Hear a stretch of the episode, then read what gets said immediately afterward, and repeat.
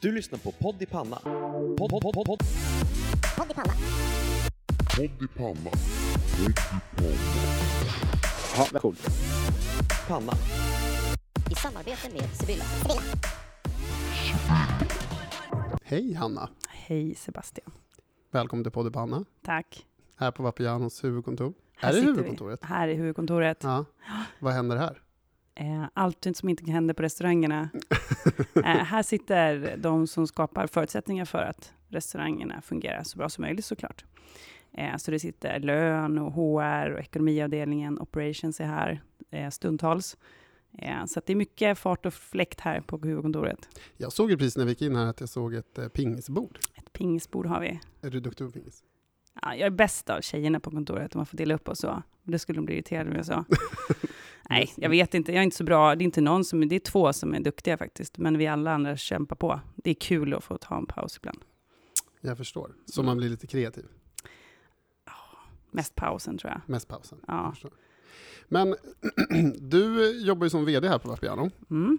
Eh, och, och ni har ju väldigt mycket restauranger från norr till söder, kan man säga så? Ja, vi har åtta restauranger i tre städer. Så Ja. vi har eh, sex i Stockholm, en i Göteborg och en i Malmö.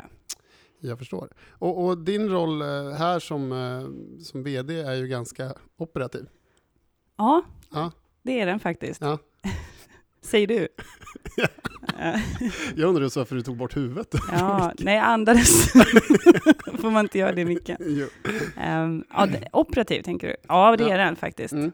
Jag kom ju från, jag började som operativ chef, Mm. eh, operationschef och HR-chef i en kombinationsroll som COO. Ah. Eh, Chief jag, Operating Officer, va? ja, officer då. Mm, Officer, precis. officer. Visst är den tjusig den titeln? det är jättetjusigt. Ja. Frågan är hur många det är som förstår vad det betyder. Ja, men det låter bra. Ja. Ja, COO. COO. Ja, nej men det börjar som, och då i den rollen så krävs det att du kan operations och vet vad som händer på restaurangerna och hur saker görs och hur man gör saker och varf- vad som funkar och vad som inte fungerar. Eh, så det hjälper ju väldigt mycket när, man, när jag gick ny, min nya roll som VD. Men samtidigt kan det också vara eh, en viss problematik i det, då jag blir ganska detaljerad stundtals och också kan lägga mig i så här, ja, hur, hur stor ska gurkskivan vara? Eller hur behöver vi göra det här? I de detaljerna kan jag faktiskt slänga mig in ibland i diskussioner, då blir man ju operativ. Men, men du, du, började för, du började på Vapiano för drygt två år sedan, tre år sedan. Ja, två och ett halvt. Två och ett halvt. Och det som jag tycker är lite intressant med dig är ju att du är ju inte en restaurangare från början. Nej, det man Nej, nu kallar för restauranger är inte jag. Nej. Vad, vad, vad gjorde du innan? Jag får ju In- lite cred, på Ja. det här, i alla fall på Vapiano, för att jag stått och langat ut burgare på McDonalds som 16-åring. Det brukar Okej. jag säga, för vi har ju många eh, chefer som har tid, började sin karriär på McDonalds. Eh, annars, sen hade jag en lång paus från restaurangvärlden. Okej, och vad gjorde du då? Jag pluggade, jag läste ekonomi med inriktning på management och organisation. Eh, och mitt mål var hela tiden att bli, jobba inom HR, Ja. alltså personalfrågor, eh, som alltid har intresserat mig. Och faktiskt från första arbetsplats jag har varit, eh, då på McDonalds eller Posten eller på ICA eller Konsum, andra ställen jag jobbat, har jag alltid så fascinerats av hur tar man hand om personal, hur är den här chefen, vad är det som funkar, är det roligt, varför är det roligt eller varför är det inte roligt att jobba? Och eh, på den vägen så vill jag jobba med HR också. Så det börjar jag med. Och, och just inom HR var du då, som jag förstår så gjorde Mm. du det då på, på Coop och Ica bland annat också? Eller? Nej, Nej. nej. precis. Nej, men då satt jag väl i kassan eller jobbade. Det var mina extrajobb eller så vidare under tiden jag pluggade ekonomi på universitetet. Jag förstår. Men om man pluggar ekonomi Mm. och sen går över på HR? Ja, man har en inriktning med ekonomi. Mm. Så att man väljer antingen redovisning, finansiering eller så jo- jobbar man till med HR eller marknadsföring. Så att de sista åren inriktar man sig och då kan man jobba med management som det kallas då, eller Ja. HR sen. Och, och nu kommer vi liksom till det här trissande. Mm. När du kliver in i vår bransch som är besöksnäringen. Ja, det, jag fick erbjudande om att jobba som HR-chef var det Mm. också, Ja. på Compass Group. Ja. Och Compass Group är måltids, alltså serviceföretag som jobbar, har flera varumärken som jobbar med måltidsservice inom företagsrestauranger, sjukvård och skolor och så vidare. Så att jag började med HR där. Så jag började inte heller med jag kom in i branschen, men Ja. jag började inte med operations direkt. Men då tänker jag så här lite, ö, ö, lite bakgrund. Tv-spel, Mm. försäkringar Ja. och sen restaurang. ja, men allt var ju HR. Ja, jo, fast eh, arbetar man inte lite på annorlunda sätt eller? Jo, det gör man absolut. Och det finns ju Alltså HR finns en röd tråd. Alla människor, på alla företag behöver man rekrytera, man behöver introducera personer, utveckla dem, jobba med ledarskap, kultur och så vidare. Så det är samma typer av områden du jobbar med, men på helt olika sätt. Ja. På Aon så hade vi inget kollektivavtal, det var tjänstemän och tjänade ganska bra med pengar. Helt andra frågor, det kunde vara problem om kaffet var slut på plan två. Eh, kanske var man liksom ganska, men man hade Ja, rätt bra. ja, ja. Eh, slitigt, nej. Nej. För det vissa, ja. Ja.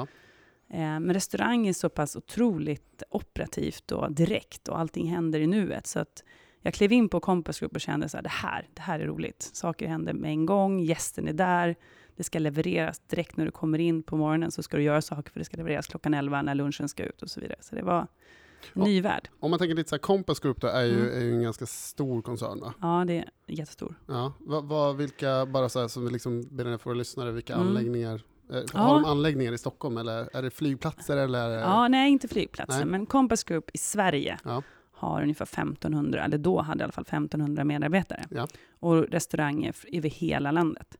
Så att det kan vara i så industri i lilla, en småländsk ort, och det kan vara alla restaurangerna, företagsrestauranger på Scania eller på Volvo och så vidare, så stora industrier. Ja. Så att du kan hitta Compass Group, och då var det under varumärket Jurest. Ja, ja, men det känner jag igen. Mm. Och det tror jag ganska många andra känner igen också.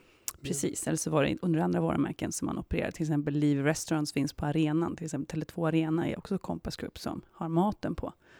Men hur kändes det då att gå från, för jag tänker det är ju ganska stora volymer på Compass Group, alltså de, Mm. de är vana att liksom ha hand om, om väldigt, väldigt många personer. Jag tänker arenor, eh, industrirestauranger på liksom Mm. större fabriker. Det är, ju, är det bara så skolbespisning eller à la carte-servering också? Eller? Ja, det fanns alla delar. Ja, Och i och med att eh, på ett företag så kan du också behöva en à la carte restaurang. För du har till exempel på en stor bank kan ju ledningsgruppen och styrelsen också behöva ha en egen restaurang. ja. Det känner inte alla till, men det har de ganska ofta. Egna kockar och så vidare. Eller så fina event som de, som de också har hand om. Så att det har ju bredden. Från Ja. liksom skolbespisningen upp till en så här styrelsenivå där du behöver ha så här fine dining till dem. Så att det fanns hela spektrat. Häftigt. Mm. Nu när jag väl tänker efter var det någon som var nominerad till någonting, kommer jag ihåg, för något år sedan. Och jag tror att han, eller om det var hon, jag kommer inte ihåg, jobbade på Swedbanks huvudkontor. Just I det. Sundbyberg ligger det numera. Ja, jag vet att Compass Group har haft det kontraktet. Nu vet jag inte om de har det längre, men Nej. så har det varit. Vagt minne. Sidospår. Mm. Vad, vad är en klassisk vardagsmiddag hemma? Oj, jag tror att så här, vi har en rullande meny. Okej. Ja, Korvstångar på måndagar? ja men typ. Nej, men det är så här, ja, det är kyck, mycket kyckling, Mm. Mycket köttfärs. Mm. Vi har en dotter som är fyra och ett halvt också, så det blir en så. Men Ja. eh, hos oss, ja, sen blir det gärna så här chark till helgen. Alltså Ja. det känns som vi är så klassiska i vår familj. In, inte tacos på fredagar, Kan hända också. kan hända. Mm. Men jag tänkte så här, vad, om, om du ska gå ut och äta riktigt gott, då, vad, vad gillar du då? Vilken, vilket kök är det du gillar? Du får inte säga italienska nu. Nej, Nej. ja, jag skulle gå på Vapiano. Ah, okej. Nej, ja, det gör jag gärna också. Men eh, jag skulle gå asiatiskt direkt. Jag ska till Farang på lördag med mina tjejkompisar. Ah. Och det längtar jag efter. De Ja. tycker jag är fantastiskt duktiga.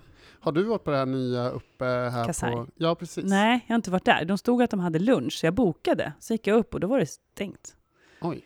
Fast det var, det var bara jag tror det var bygg, innan de hann bygga klart. Så jag, var lite, jag kände mig som så här early adopter. bara kolla, över, koll på att de har öppnat. Ja, stod och hängde på låset. De hon Trend, trendsetter. Ja, trendsetter. Kunde inte läsa bokningsregler. Nej, men jag skulle verkligen gärna gå dit. Ja. Mm. Eh, men nu gick Vapiano, va? Ja, Efter. precis. Efter att Ja. ha varit den här operativa chefen på det det företagsrestaurangerna. Du Ja. vill till Vapiano. Nu vill jag till Vapiano. Ja, du anar inte vad som hände på den andra stället, men nu hoppar vi över det då. Ja, Nej, ah, mm. Ah, det var därför det ett glapp på din LinkedIn-profil på tre år. Exakt. Jag tog en break. ja, mammaledig. Ja, jag var faktiskt mammaledig också under Ja. tiden jag var på Compass Group. Jag fick mitt första barn där. Mm. Vad härligt. Eller mitt första och enda Jaha, barn där. Mm. eller? Ja, precis. Kanske har fler. Ja. Men, men, eh, men sen kom du till Vapiano och då började du Mm. som COO, det har vi redan Mm. rätt ut. Mm. Eh, och, och då, det är väl en lite likhet med Jurest egentligen, eller? Ja, det var väldigt likt. Ja. Både att jag hade varit HR-chef på restaurangföretag Mm. och sen har jag varit operativ chef på restaurangföretag och nu fick jag liksom båda rollerna i ett. Ja. gjorde att jag kände mig ganska bekväm i mycket saker, alltså Mm. frågor. Jag kan kollektivavtalet, jag vet vad som regler liksom, vad, som, vad som gäller. Mm. Inte alltid i detalj, Nej. men det mesta. Och Ja. jag vet ungefär hur en operativ verksamhet ska fungera, hur vad som bör fungera på olika sätt.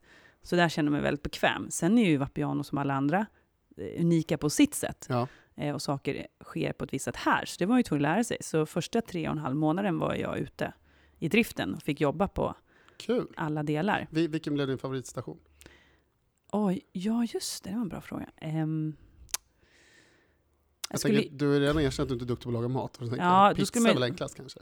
Eller? nej, pizza är jättesvårt. Att baka ut en pizza är Just jättesvårt. det, så Pizzadegen Ja, sen är jag så här också att jag var pizzapersonernas så största hatobjekt. För när jag skulle då ta emot beställningar och samtidigt få ut, alltså få ut pizzor till rätt person. Så, Du bara, det är lite mycket nu. ja, så samtidigt skulle jag typ ducka för de här pizzaspadarna som kommer i, i luften. Jag var inte bra på det. Nej. Men eh, ja, jag skulle nog säga att min favoritstation är alltså skiftledning. Absolut. Så att eh, man fick lära sig allting från grunden, stå i preppköket, göra pastan eller stå på station. Och sen när man fick kliva in och vara bredvid skiftledaren och säga ah, hur ska saker göras, vem ska jag vara då? Då blev det riktigt kul. Ja. Mm. En utmaning. Ja.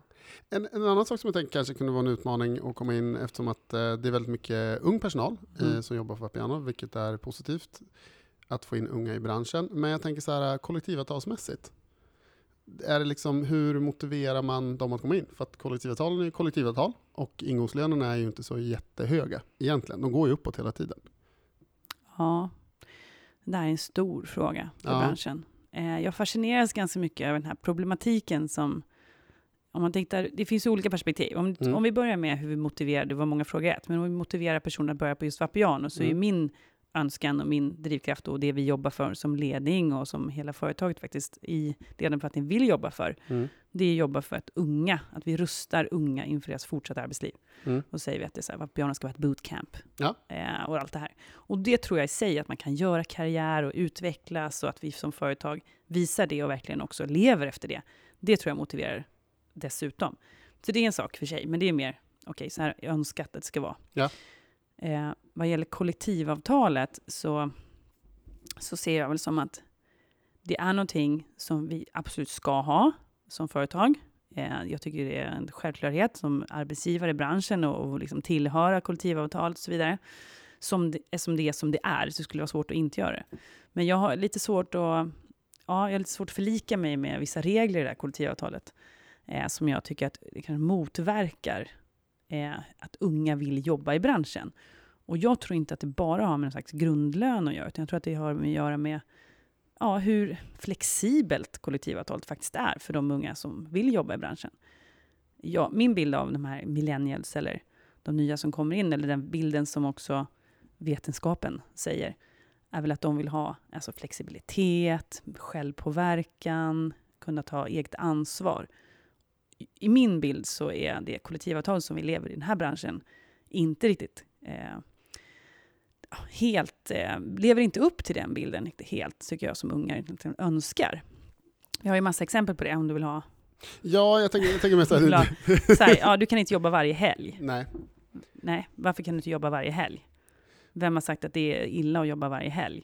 Jag förstår och har fullkomlig respekt för varför det här kom till. ja. Och att kollektivet var viktigt. Och att det fanns arbetsgivare som kanske utnyttjade personal. Eller man kanske skapade scheman som man jobbade för mycket eller för långa pass eller så vidare. Jag tycker dock att det behövs en viss förnyelse och börja titta på vad faktiskt är viktigt. Alltså obekväm arbetstid, vem har sagt att den är på kvällen?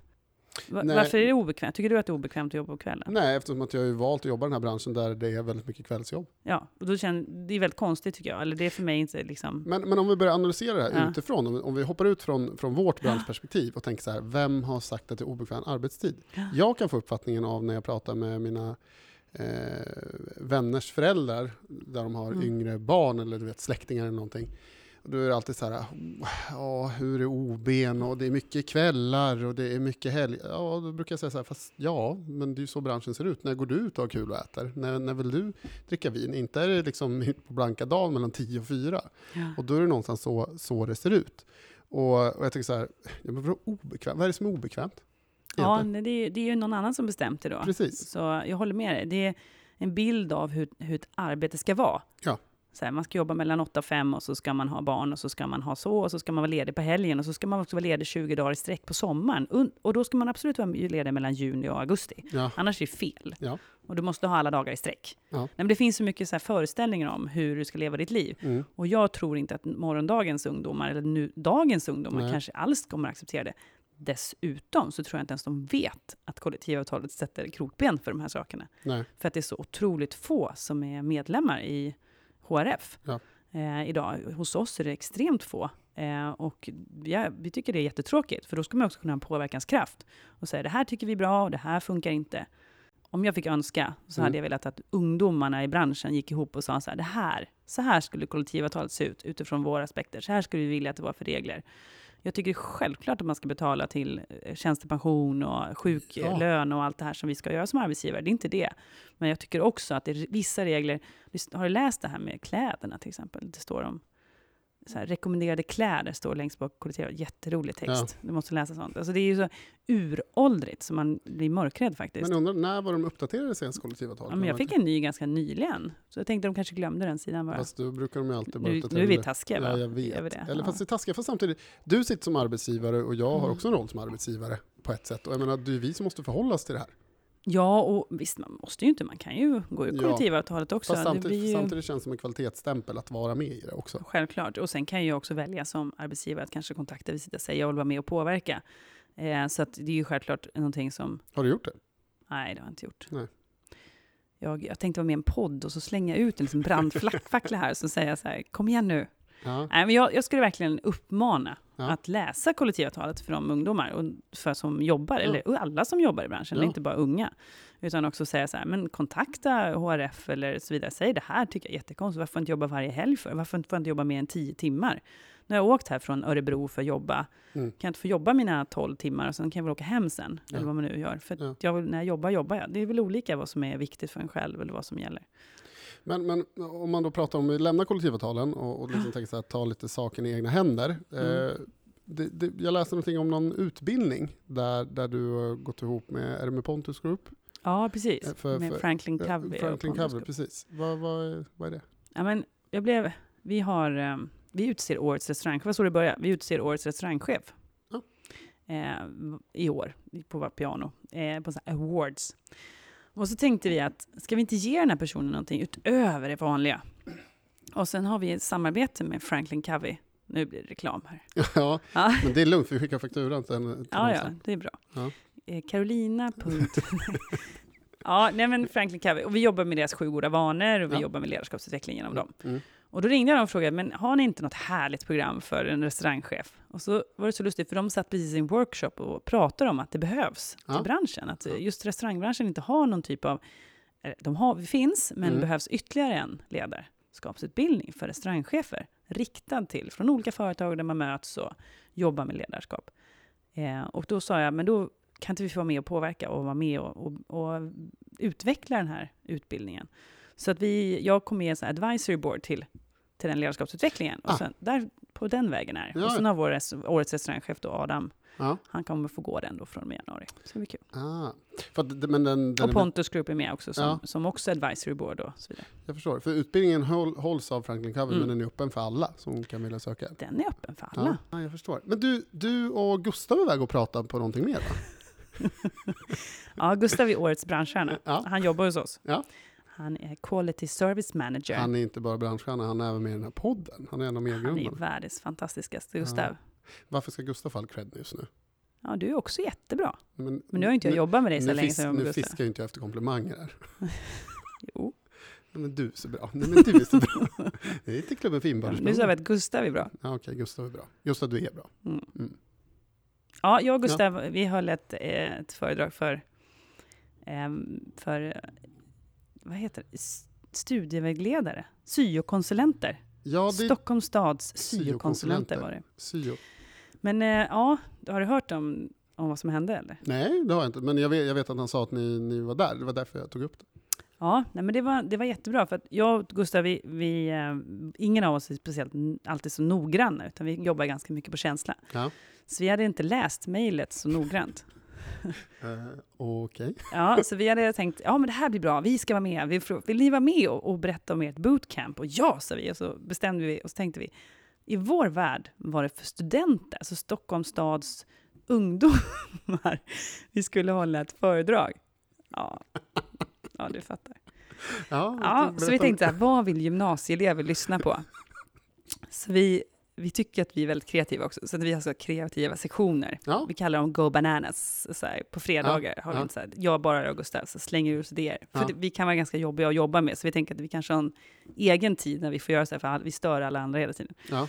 Och då så här, kreerade vi den här presentationen, den ska vara interaktiv. Vi ska ta upp någon från publiken som får vara en drink och så ska vi lära dem hur gör man en god drink så ska man kanske vara en shaker så skulle man jo, ska skaka den här personen. Jag. Och sen, nu hör ju det här låten. ja. Och sen skulle vi också göra en wok, vi skulle lära dem hur man gör en god carbonara, så Ja. skulle en få vara wok och så skulle vi liksom, ja, Ja. ja. blanda en Ja, ja, carbonara ja. och visa. Ja. Eh, dessutom så tänkte vi faktiskt göra så här real life bootcamp, så vi skulle anställa, låtsas anställa någon för publiken, så här, Ja. är det någon här inne som är en riktig glädjespridare, så här, som vi har som värderingar och så Mm, vidare. mm. Ta upp någon på scen och så skulle vi ta den genom varje steg i bootcamp. Så här, Ja, hur, hur blir man en vapianist? Hur blir man en skiftlig? Alltså, nästa, hur blir man en pastakock? Hur blir Ja. man det? Och så vidare. Så vi tänkte, det här, det här blir bra. Ingen powerpoint. Vi liksom, nu, nu blir vi kör, roliga. Kör, bara kör. Ja. Sen kliver vi in då på Södra Teatern, det som du känner till. Mm. Och eh, där inne sitter Stockholms stads syokonsulenter. Det var inte gymnasieelever. Det var inga gymnasieelever. Då undrar jag, vart det här finsilta mejlet missade ni att det var syo? Det stod det väldigt tydligt i mejlen. Så när vi tog upp mejlen och så här började läsa, så här, helt, helt panikslagna, för vi trodde det var på fel ställe, så står det så jättetydligt, ja, Stockholms stads syokonsulenter. Så här, hur kunde vi inte se det här? Ja, uppenbarligen inte, så vi tog en så snabb recap. Så här, hur gör vi? Eh, Ska vi byta presentation? Så här, vi tar bort den med woken. Nej, vi tar bort den med drinken. Bara, ah, panik. Vi tog, men vi tänkte så här, nej nu kör vi. Nu har vi repeterat det här, nu Ja, kör vi. ja. Eh, så det var någon, Rita då, 55, Mm. hon fick vara wok. ja, vi tog upp någon Birgitta där som blev pianist. Och, ja. Hur slutade allting då? ja. Hur många mer mersökningar fick ni från? Ja, men alltså, sex stycken fler medlemmar på, på LinkedIn i alla fall. De fick i alla fall en rolig upplevelse. Alltså, jag tror att det hela höll på urarta när jag sa, ni vet hur det är, när man kommer till jobbet, man väljer ju att ha roligt på sitt jobb. Ja. såg jag liksom blicken från vissa som bara kände så här, eh, det var jag blickar som kunde döda från några stycken i publiken just då. Oj! Ja, det var, jag tror inte att alla va- valde sitt jobb där. Nej. Men några var ju helt fantastiskt inspirerade, tyckte Ja. jag. Och var Ja, så ja. Åh, vad roligt, vi kan rekommendera eleverna att gå i restaurangbranschen, det går att göra karriär. Och, Naturligtvis. men de hade en sån, man märkte också att fördomarna eh, från många av dem om branschen, den finns ju. Den finns ju, fråga, vem- alltså det är Ja. bara fråga runt. Hur, vad tror ni om det? Ja, men det är inte det en sån här smutsig bransch och Mm. det ena med det andra. Alltså varför är det fortfarande kvar? Det känns inte lite mossigt att prata om Jo, det? jo, det är Eller? jättemossigt. Ja, men om vi slutar bekräfta det, Ja. utan istället jobbar för så här vill vi att det ska vara, det här tycker vi är en schysst arbetsplats, det här är liksom roligt. Du, bara, du kan få vara shaken, någon annan Alltså, kan få ja, någon i wok och någon i shaker, sen löser vi det hela. Mm, är. Ja. Men det, det är ju en rätt sund, sund inställning. Om du, om du fick bestämma Mm. hur du ville att allting skulle vara, vad hade du gjort då? Allting skulle vara... Hur allting branschmässigt, om, Ja. om du tar bort allt det här. Ja, men, ta bort... Det finns ju kulturer i branschen som är, som är en del av det hela. Så här. Det, det är en del av att kunna vara avslappnad i ett kök. Sen Ja. betyder inte det att man ska sexuellt trakassera någon. Nej. Utan snarare så här, det finns också en... här- Det, det som är härligt i branschen, det är att det är väldigt avslappnat. Ja. Det är ju inte på något sätt corporate business, eh, Mm. floskel, jag sitter här och säger de exakta rätta sakerna som vd för Vapiano, och ska jag sitta och säga de, liksom, de sakerna som känns rätt så Men är det inte det som är det nya? I branschen eller? Nej, tänker- generellt. Jag Alltså, hoppas det. Ja, men jag, jag tror också, för att Mm. någonstans ändå så vill man väl bara ha kul. Och jag menar, nej, men man vill ju ha kul, men, Mm. men förstår, kul men man är fortfarande med en seriositet. Men har du Mm. roligt hela tiden så blir det alltid mycket, mycket enklare. Ja, absolut. Och sen tror jag så här, det, det som jag verkligen eftersträvar, som jag så här, åh vad det skulle vara härligt, det är den här, så här riktiga personer. Ja. Så jag har alltid haft chefer som, som många, vissa chefer jag haft har varit sig själva, Ja, men inte alla. Och jag kände att jättestor skillnad mot hur jag, på gott och ont, ja. är och uppfattas hur jag var på Compass Group och hur jag är på Vapiano. Du var mer corporate på Compass Group eller? Ja, men mycket mer. Mycket det var liksom mycket mer. Sen så är det här då en skala på min personlighetsskala, vilket Ja. gör att det betyder inte att jag var jättekorporate om jag jämför med en annan person Nej. kanske. Men jag bestämde mig för att jag kan inte gå runt med någon fasad och så här säga rätta sakerna, så här, tänka efter. Jag fick ofta som feedback från mina medarbetare, så här, ja, du säger ju rätt saker. Men du säger de fel? Nej, utan du Nej, kanske nej. inte menar dem. Ja, Eller så här, menar du dem eller säger du det som är rätt? För du Mm. har lärt dig att så här ska man säga. Och när den sjönk in, den feedbacken, då började jag förstå att så här, ja, men jag säger det som by the book låter bra Ja. många gånger. För jag har lärt mig att det är så här man leder. Och, men det bara gå och läsa på artiklar på LinkedIn så har du en hel faktabok om hur du ska läsa, eller hur du ska vara som chef. Gud vad kul att du tog upp det här med LinkedIn, för att jag tänkte på exakt samma sak Ja. när det Ja. gäller hu- hur man märker hur flödet på LinkedIn blir mer och mer likt Facebook, fast ur ett yrkesprofessionellt Just det. perspektiv. Har Liksom. också tänkt på det. Ja, att, att det blir så här att man har liksom followers och, och, och allt möjligt, men det är också så här, det som folk delar är ju så här, det är ingen rocket science, men alla bara woho, det här är så bra, high five, och så bara 43 likes, 11 kommentarer. Och så är det liksom, precis som du säger, en, en delning av något så här, så här, tio steg för att bli en bättre ledare. Eller? Ja, men det är alltid så, så intressant just, eh, just med ledarskap, Ja. att, att det är så, är så polariserat. Ja. Eh, jag läste en jätteintressant artikel häromdagen från LinkedIn, säkert också helt källokritisk som vanligt, så här, vet inte ens vem som har skrivit den, men då är det den ena sidan så här, är du en dominant chef eller en stöttande chef för kreativiteten? Jag tänker så här, ja, eller så är man både och. Ja. Eller så är man gick, ingenting, det gick inte för man är något annat. artikeln. Nej, det går inte. Nej. Och det hela, allting är så otroligt så svart eller vitt, eller en ledare ska vara så eller si. Och, och sen så känns det som att lita på sin egen eh, tro på sina egna värderingar Ja. och hur man är och hur mänsklig man är, eller vem man, alltså vad man tror på. Det försvinner i att så här gör du tre steg till att hålla bättre utvecklingssamtal. Ja. Eller, Ja, det händer ju inte. Alltså, även, även om du följer dem och så är det fel person sitter man bara, ja. ja, Det kan bli ganska knepigt ändå. Men, eh, ja, nej, men jag tror att eh, det är så här, det är in your face på LinkedIn hur du ska vara som chef och ledare. Och det blir, ja, och sen så, menar, ledarskap behöver alltid utvecklas. Och Ja. jag som ledare behöver alltid utvecklas. Vad- och det vad behöver vi känner- alla. Vad känner du, eh, eftersom du jobbar på ett företag som har väldigt många unga, Mm. både liksom kontorsmässigt och, och ute på golvet, hur, hur utvecklad blir du varje dag? Känner du liksom att shit vad jag känner mig gammal och mossig i vissa frågor, men vissa frågor är du är du väldigt kompetent i? Liksom. Ja, nej, men gammal och mossig är man ju vad gäller dig, alltså det digitala världen då, om man jämför med, med till exempel Gustav. Ja. eller andra. Jag är ju 37 och är i en större, i en annan bransch så Mm. skulle jag ju vara väldigt ung Ja. som vd Ja, kanske. ja. Eller väldigt, men yngre. Eh, men här är jag ju inte det, utan här är jag ju en av de fyra äldsta på piano och sådär. Ja. Men ganska Hur intressant. känns det? Det känns jättebra. Men, men det är så fantastiskt att bli och vara över 30. Ja, men bästa som kan hända. Ja, ja. Men det som jag tycker är, det, men det är inte bara det, utan det är så här, det är drivet och så här, alltså positiviteten i un, unga som är fantastisk. Och att det inte finns så här, ja det här går att göra, eller det här går att göra. Men du Hanna, nu har vi liksom pratat väldigt mycket, väldigt mycket jobb här. Mm. Men vem är du privat? Och jag sa ju så här, jag ställer inga frågor, så här, vem är du? Det låter så Mm. Nej, men okej, vem önskar du att du var? Jag ska vara så här, Angelina Jolies liv. Ja. Nej, men okej, det där klipper vi bort. Men eh, privat så är, Är det du du tjuvläser din lapp? ja, jag, vem är jag privat? Det står här. Nej.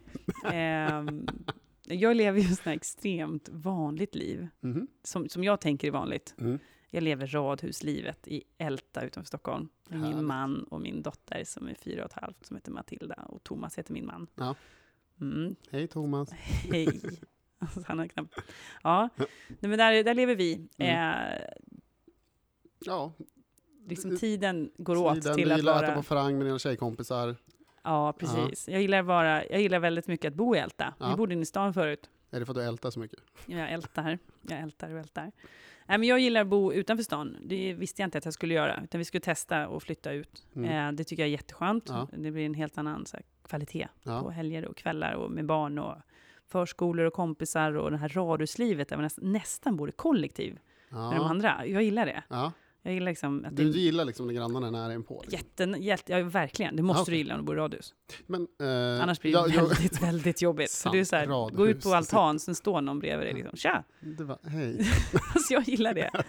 Jag tycker det känns så här, lite tryggt och Ja. trevligt. Vi har någon granne som säger, jag ska åka och handla, kan du ta mina barn? Absolut. Och så hjälps man åt och så, du vet, kanske någon kväll så kan man gå på bio och så är det någon annan som passar och så Ja. håller man på liksom. Ja, men det är en väldigt så här, det är sättet som jag tänker att vi växte upp förr. Så här, att vi hade någon slags gemenskap, eller gemensam ansvar för våra barn, Mm. vi vuxna. Mm. Och den tycker jag, så här, nu isolerar vi oss med här, våra barn och sen så ska man uppfostra allting själva. Jag tänker att det är fantastiskt om någon annan förälder talar om för mitt barn, så här är rätt eller här är fel, och, eller ser andra familjer och så vidare. Så jag, jag, skulle, jag hade helst bo i kollektiv, ja, om jag hade fått välja. Vilket kollektiv med vilka. Mm. Jag har inte hittat någon som vill bo i ett kollektiv med mig. Du bara, attans. Typiskt. Och jag tror inte att min man skulle uppskatta det överhuvudtaget. Men radhuslivet är liksom så nära jag kan komma. Men har inte det här lite med att göra också att du jobbar i den branschen du är i? Du gillar människor runt omkring dig. Mm. Du gillar att ha värdskap, om man ska kalla det för det. Och, och, och, och även liksom leda och vara lite galen. Galen. Men jag, Ja. Förlåt, jag kopplar bara tillbaka till den här shaken. Ja, det finns värre stories än den. Den är nog bara så här, den är mjuk upp, alltså den är mjukstarten på alla knä- knäppheter. Men Ja. ja, nej men jag, precis. Nej, men jag tror att det har att göra med att, man, att jag är extrovert då. Att Ja. jag älskar att ha människor runt omkring mig och andra människor och prata och umgås och socialisera. Det ger mig massa energi. Men Hanna, om du ska lämna ett eh, karri- lite karriärstips då till unga som vill uppåt och kanske upp till din nivå, vad, vad, vad tror du? Ja, men då tror jag att man behöver lära sig allting från grunden. Ja. Så man vågar liksom bli smutsig, om man säger så. Ja. Alltså Verkligen. verkligen. naglarna liksom. Ja, men gå ut och jobba och känna efter. Oavsett om du kommer från branschen, då har du oftast kommit den vägen. Ja. Eller så kanske du vill in i branschen, kommer från ett helt annat. Börja där du lär dig från grunden vad det handlar om och service och så vidare. Och sen så hela tiden våga ta ansvar. Våga när någon säger, skulle vilja göra det här, säg alltid ja. Tacka aldrig Du, nej. Utan det är så här, ja det vill jag, det vill jag testa. Ja. Våga testa nya saker, våga kliva på när någon ger dig möjligheterna. Och säg inte så ja men, nästa, ja men jag kan göra det senare när jag bara lärt mig. Jag träffar oerhört många personer som säger, "Åh, nej men de frågade mig om jag vill bli shiftleader till exempel, eller Mm. skiftledare på Ja. piano. Men jag känner inte att jag kan saker än. Tänkte så här, men hur, jag blev ansvarig för ett helt affärsområde, jag kunde ingenting om restaurang. Så här, det är ju också kanske våghalsen med det, men jag tror att tyvärr så finns det väldigt mycket så här, jag behöver kunna massor innan jag vågar. Men kör, och så får du väl se.